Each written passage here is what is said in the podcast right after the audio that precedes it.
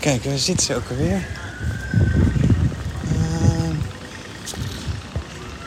oh ja, muziekhandel Alkmaar. Yes. Goeiedag. Eh, ik ben op zoek naar een dirigeerstok. Ja, dat is bijzonder. Ja, toch?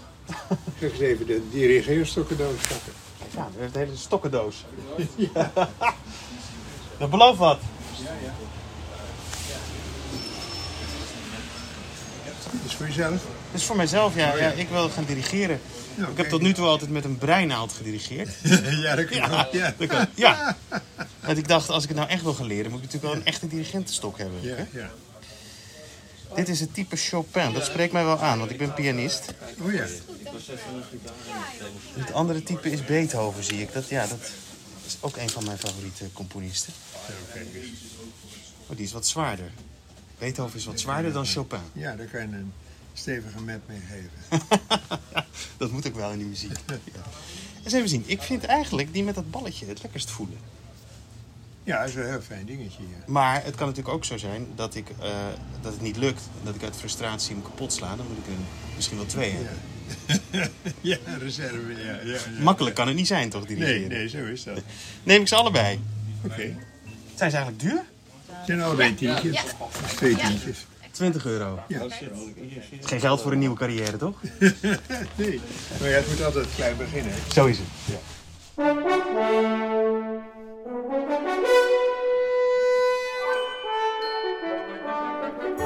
Je luistert naar De Maestro met de Breinaald. Een podcast van mij, pianist en presentator Christian Kuivenhoven... in opdracht van de International Conducting Competition Rotterdam.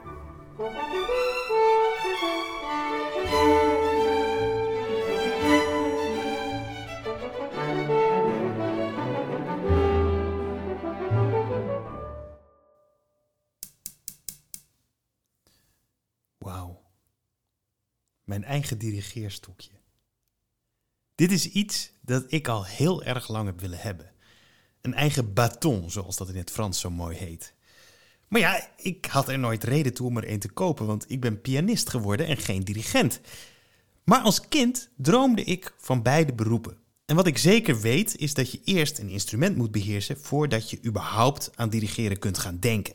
En dat eerste is in ieder geval al gelukt. Dus kan ik me in deze podcast volledig gaan richten op die tweede jongensdroom: dirigent worden.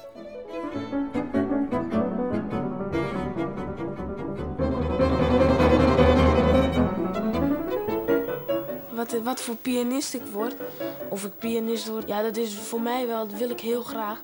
Maar ik wil graag ook dirigent worden. Maler, eh, symfonieën, dirigeren. Het lijkt me wel erg mooi. Maar ja, Maar ja, ik begreep als jochie van 12 ook wel dat dat niet zomaar ging. Zeker niet op die leeftijd. Maar goed, ik ben een heel aantal jaren verder en ik ben er eigenlijk wel aan toe om het nou eens echt te gaan proberen.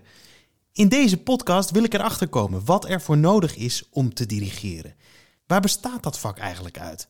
Wat moet je er allemaal voor kunnen? Welke eigenschappen heb je ervoor nodig? Hoe maak je carrière? En zou ik het zelf kunnen?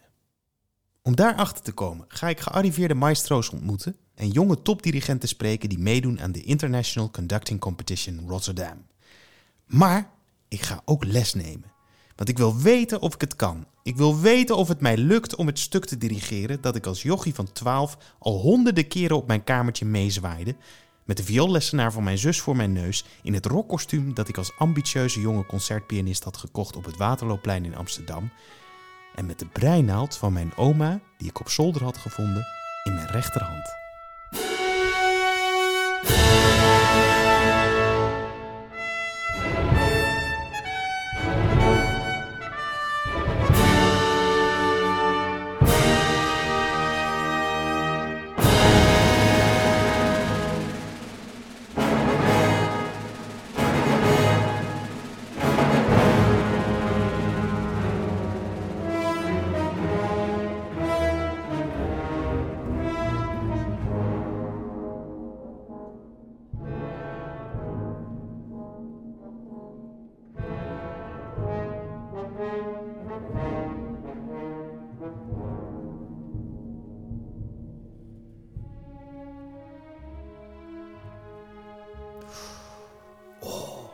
Mahlers vijfde symfonie hoor je hier. Het eerste deel, begin van het hele stuk.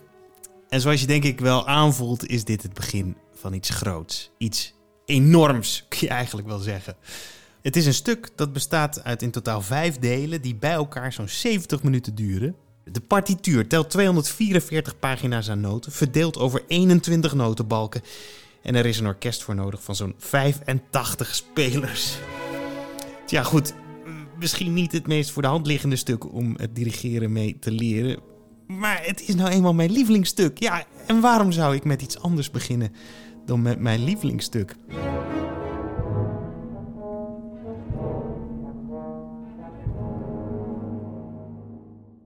Maar ik beheers me nog even. Ik probeer de verleiding nog even te weerstaan om mijn tanden in dit stuk te gaan zetten. En bel mijn leraren voor deze podcast, dirigenten Anthony Hermes en Ed Spanjaard, nog even niet op. Want ik wil eerst met je in de geschiedenis van het dirigentenvak duiken. En dat wil ik doen samen met een van de grootste muzici uit de 20e eeuw. En een gevierd maler-dirigent trouwens. Mijn idool Leonard Bernstein. Bernstein werd wereldberoemd als chefdirigent van het orkest waar Gustav Mahler notabene zelf ook chefdirigent van is geweest en waar Jaap van Zweden nu leiding aan geeft, de New York Philharmonic Orchestra. In de jaren 60 en 70 van de vorige eeuw maakte Bernstein talloze televisieprogramma's met het orkest over klassieke muziek onder de titel The Young People's Concerts. Maar daarvoor al, in de jaren 50, maakte hij regelmatig afleveringen voor het programma Omnibus, waarvan één met de titel The Art of Conducting. En lang leven YouTube, die is natuurlijk niet moeilijk terug te vinden.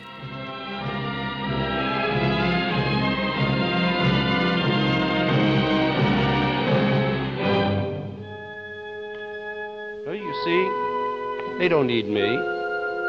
They do perfectly well by themselves. So why is a conductor necessary, after all? What does he do? Why does he carry on so? After all, isn't this orchestra a highly trained group of professional musicians? Don't they know how to read music? Don't they know how to count? Why do they need a fellow up there in front of them, beating out the time for them? And if they do, what's so glamorous about beating time? Can't anybody do it? How about the concertmaster or principal violin? Can't he indicate the movement of the piece with his bow? Well, as a matter of fact, he used to. Ah, de concertmeester. De eerste violist. Dat is de violist die als je in de zaal zit direct links van de dirigent zit. En ook de violist die opstaat voordat de dirigent nog op het podium is om het orkest te laten stemmen. Maar voordat de dirigent überhaupt bestond, was de concertmeester al de belangrijkste muzikus in het orkest. En dat vindt zijn oorsprong in de 18e eeuw. De barokperiode, met componisten als Bach, Handel, Rameau en Vivaldi, loopt dan ten einde en gaat over in het klassicisme. De stijlperiode van Mozart, Haydn en uiteindelijk Beethoven. En er gebeurt veel in die tijd. Zowel muzikaal als technisch, maar ook qua uitvoeringspraktijk is er van alles in ontwikkeling in de 18e eeuw. En het een beïnvloedt daarin continu het andere.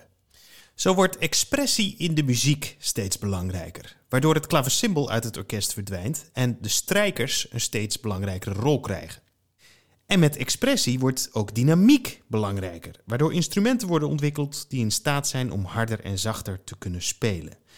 Dat heeft dan weer zijn effect op de componist, die nu veel preciezer dan voorheen kan gaan opschrijven wat hij van de uitvoerders wil. En daarmee wordt het dan dus ook steeds noodzakelijker dat de groep goed en eenduidig wordt aangestuurd door de eerste violist. Maar dit aanvoerderschap had nog een ander resultaat, namelijk een verbetering van de veiligheid. Want in de 17e eeuw was een van de methodes om een orkest aan te sturen het op de grond stampen met een grote staf. De componist Jean-Baptiste Lully deed dat op een koude winteravond in 1687 zo geestdriftig en vol inspiratie dat hij de staf niet op de vloer, maar boven op zijn teen plantte. Het leverde hem een bloedvergiftiging op, waaraan de arme man nog geen twee maanden later overleed.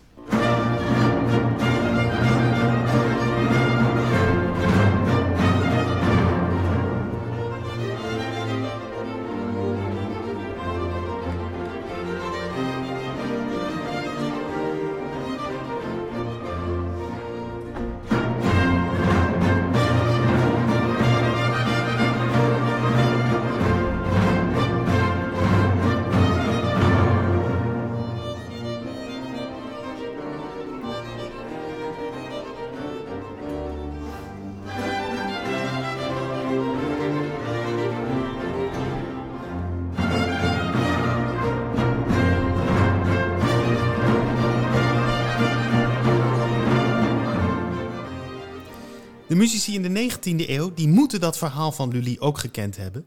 Want van die staf is niet veel meer over als het dirigeerstokje wordt uitgevonden en ingeburgerd raakt.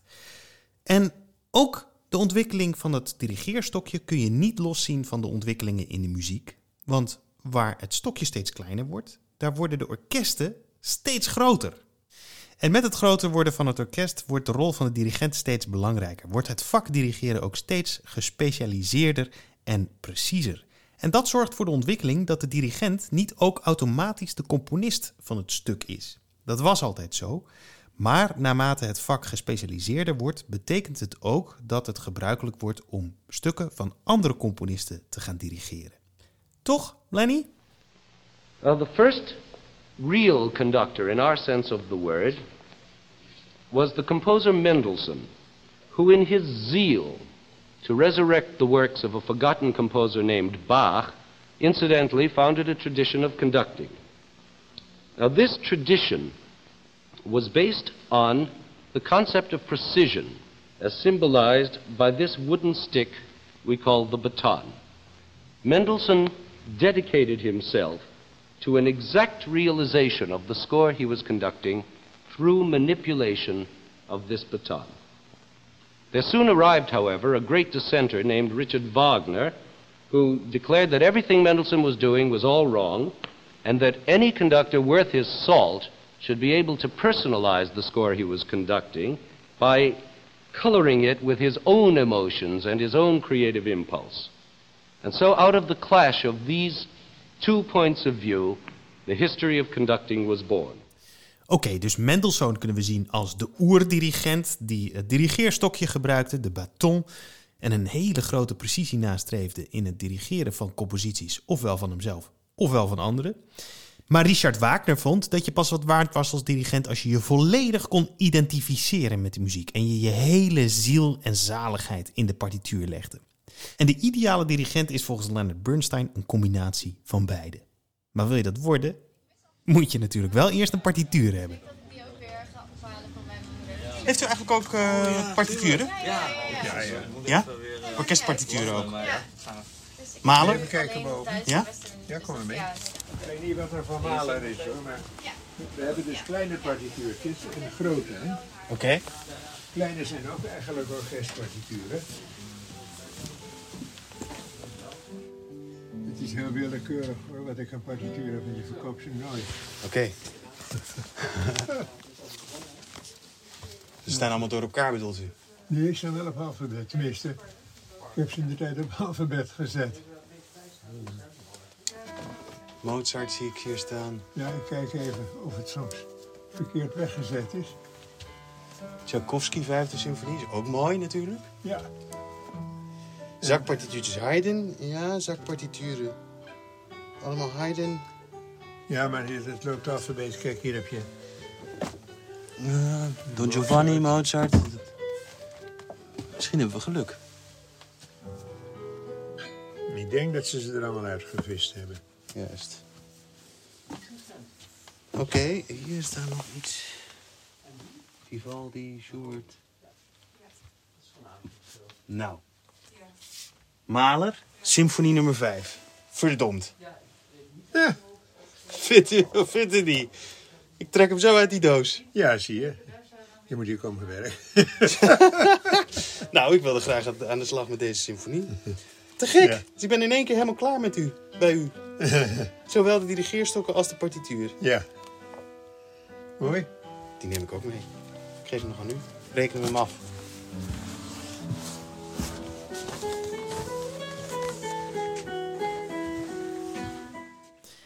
Zo, dat bleek een onverwacht succesvol bezoekje aan de muziekwinkel. Ik heb zowel mijn dirigeerstokje als ook de partituur er kunnen vinden. En daarmee volgens mij alles wat ik nodig heb om te gaan beginnen. Om te gaan onderzoeken of die jongensdroom in mij nog leeft. En of ik het in me heb om dirigent te worden. Ik kan niet wachten in ieder geval. Maar tegelijkertijd weet ik ook niet goed waar ik moet beginnen. Dus er zit maar één ding op. De stoute schoenen aan te trekken en twee Nederlandse topdirigenten te vragen of ik les van ze mag krijgen. Of ze mij willen helpen. En of ze het een goed idee vinden dat ik met Mahler begin.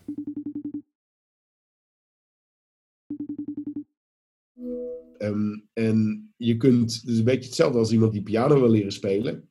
En die zegt van, ja, is wel leuk. Eh, ik heb nog nooit piano gespeeld. En ik wil wel het pianoconcert van Grieg kunnen spelen. Kun je me helpen? Dat is, pre- dat is precies wat ik je vraag. ja, inderdaad. En dan, ja, inderdaad. Ja, ik weet ook wel ongeveer. Kijk, ik kan die A, die kan ik ook vinden. En ik kan het eerste akkoord kan ik ook wegzetten. Maar hoe dat ik die op tafel moet spelen, heb ik geen idee. Ja, ehm, hier was ik dus al een beetje bang voor. Maar ik vraag het natuurlijk ook niet aan de minste dirigent, hè? Anthony Hermers hoor je hier. Vaste gastdirigent van het Noord-Nederlands Orkest en van Opera North in Engeland. En vaste gastdocent aan de orkestdirectieopleiding aan het Conservatorium van Amsterdam. En die staat onder leiding van een andere Nederlandse topdirigent, namelijk Ed Spanjaard. Ook hem vraag ik of hij mijn plan een goed idee vindt. Ik, ik weet het niet. Ik, ik, ik heb je nog nooit zien dirigeren. Ik, ik denk dat. ehm, er zijn mensen die het. Ik geef natuurlijk vrij veel les. Ik heb geloof elf leerlingen op het ogenblik. Dat varieert van mensen die heel houterig binnenkomen en binnen een jaar blijken echt een groot, authentieke, waarachtige muzikaliteit te kunnen overdragen. Maar er zijn ook mensen die heel veel weten en heel slim zijn, die het absoluut niet in zich kunnen vinden. En er zijn ook mensen die heel muzikaal zijn, maar de, de ware fantasie gecombineerd met diepgang. Dat zijn twee dingen die alle twee nodig zijn. Vind ik eigenlijk, ik geloof dat, dat, dat ik dat een heel belangrijk iets vind. En natuurlijk gewoon eh, zin hebben om echt goed te kijken wat er staat, goed te werken, dingen te doorgronden. En eh, niet alleen maar afgaan op één uitvoering die je vervolgens dertig keer in je auto afdraait en dan denken, "de- dat is het. Oké, dat geeft me ook nog niet helemaal het idee alsof ik direct aangenomen ben op de opleiding. Maar laat ik het dan anders proberen te vragen. Kunnen ze me niet een soort stappenplan geven waarmee ik in ieder geval zelf al aan de slag kan? Ja, dat kan ik, eh, kan ik zeker met je maken. Ehm, als je zegt van, oké, ik wil vijfde malen die leren dirigeren. En laten we daar gewoon een, een, op een goede manier een, eh, een, een heel leuk spel van maken. Ehm, want zo, zo voel ik het. Oké, laten we dat als uitdaging zien. Oké. Het is natuurlijk een klein beetje à la maestro, zeg maar. ehm à la dat programma.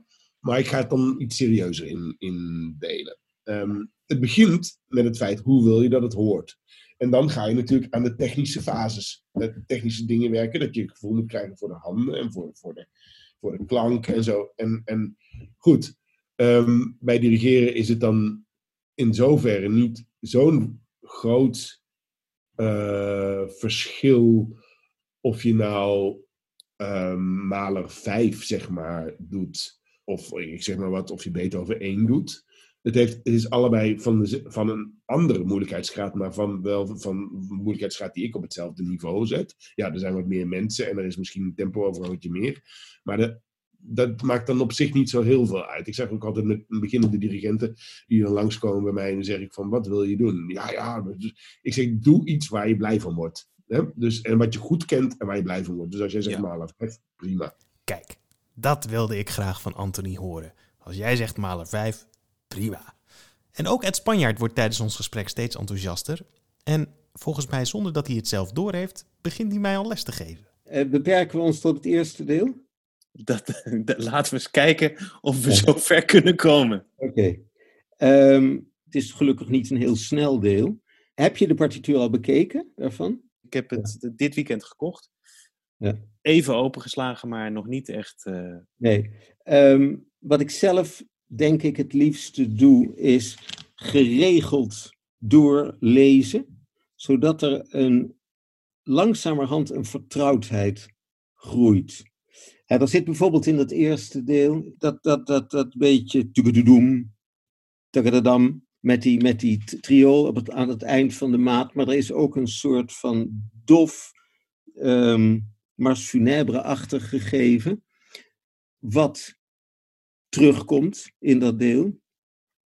Kijk daarnaar, is het een letterlijke herhaling?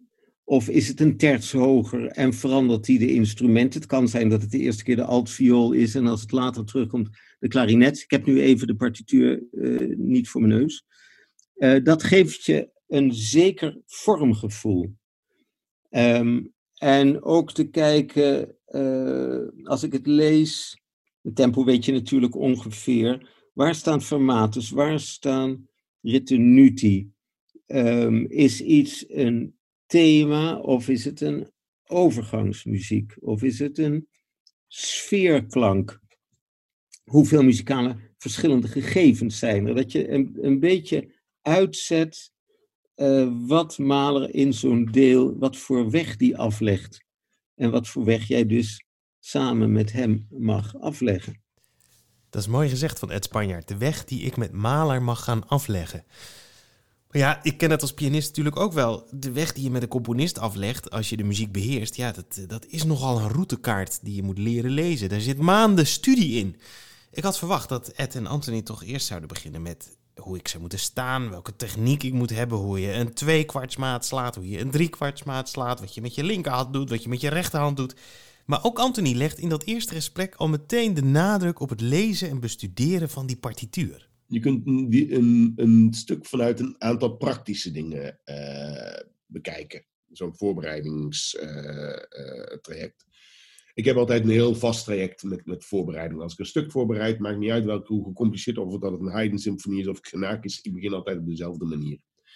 Ik maak zo'n stuk open. Ik um, lees gewoon eventjes zo door. Uh, gewoon heel onbevangen om een overzicht te krijgen over het stuk. Ik blader gewoon het eerste deel door. Ik neem een gele stift en ik, en ik uh, als het cijfer 1, cijfer 2, ik kleur het gewoon allemaal aan. Dat ik weet, straks ook als ik je moet repeteren, dat ik altijd heel snel cijfer 3 kan vinden. En dat ik niet hoef te gaan liggen tellen en zo. En dat soort dingen.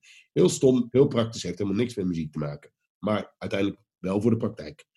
Dan ga ik een leveltje dieper. Net zoals eh, als jij straks een 5 gaat studeren. Oké, um, we gaan eens even kijken. Ik, de eerste vioolpartij. Ik ga hem gewoon zingen. Ik ga hem gewoon zingen. En ik dirigeer daarbij mee. gewoon voor mezelf. Als ik nou, hoe wil ik dat ding geïnterpreteerd hebben? Hoe, met welke interpretatie wil ik deze eerste vioolpartij hebben? En het grappige is, als je dat dan met de eerste viool gedaan hebt en je gaat dan naar de tweede viool, altviool, et cetera, fluit, hobo, klarinet, fagot, horen.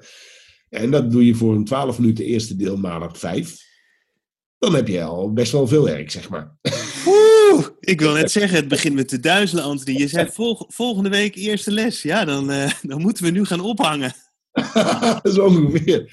Nee, uh, maar ik zeg maar, dat is zeg maar, um, zoals ik tegen mijn leerlingen zeg, van als je, um, als je een stuk echt wil doorgronden, ja. dan is dat de bedoeling. Ik zie dirigeren echt als een vak. Ja. Als een, als een, en want dat waar we het nu over hebben, dat is natuurlijk de uitgangspositie. Dat, dat moet je kunnen. Je moet die klankvoorstelling hebben, je moet, moet dat technische kunnen. En dan komen er nog 3 miljoen andere dingen bij. Juist, juist.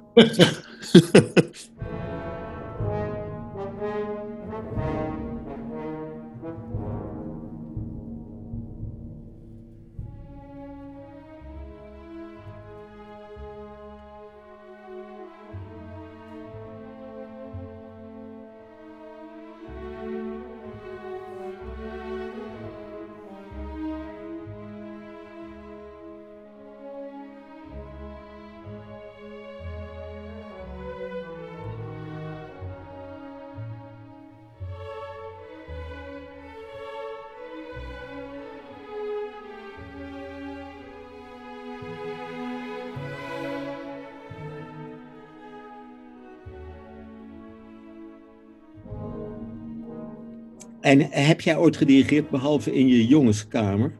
Uh, op het conservatorium heb ik uh, een beetje koordirectie gedaan.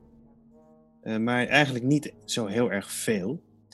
Ik heb natuurlijk wel met dirigenten samengewerkt. Ja. Maar zelf dirigeren niet tot nauwelijks. Nee. En heb je daar wat aan gehad? Heb je wat afgekeken? Heb je wat opgestoken? Nou, ik heb ook nog met Maris Jansons gespeeld. En, uh, en Maris Jansons is wel iemand die ik qua motoriek en qua slag wel, wel extreem elegant vond. Ja. Dat, ik, vond, ik vind eigenlijk dat er niemand mooier beweegt dan hij. En ook als hij dan zijn, dirigeerstok zo in, in zijn hand pakt en, Ja.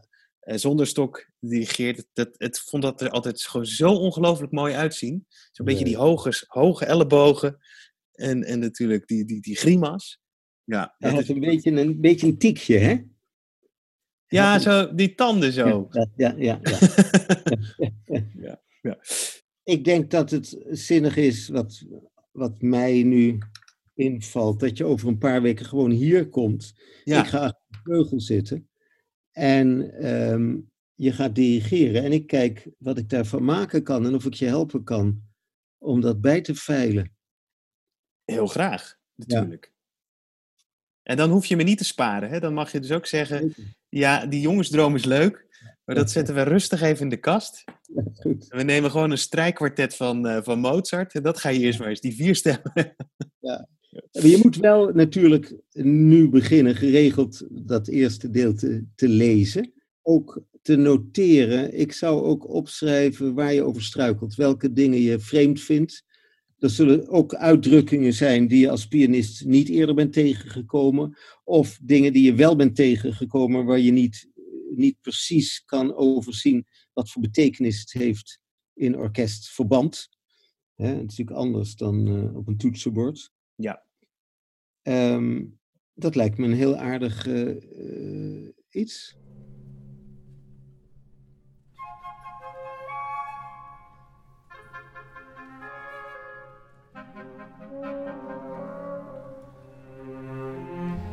Nou, dat lijkt me wel meer dan een aardig iets, want we hebben meteen een lesafspraak gemaakt.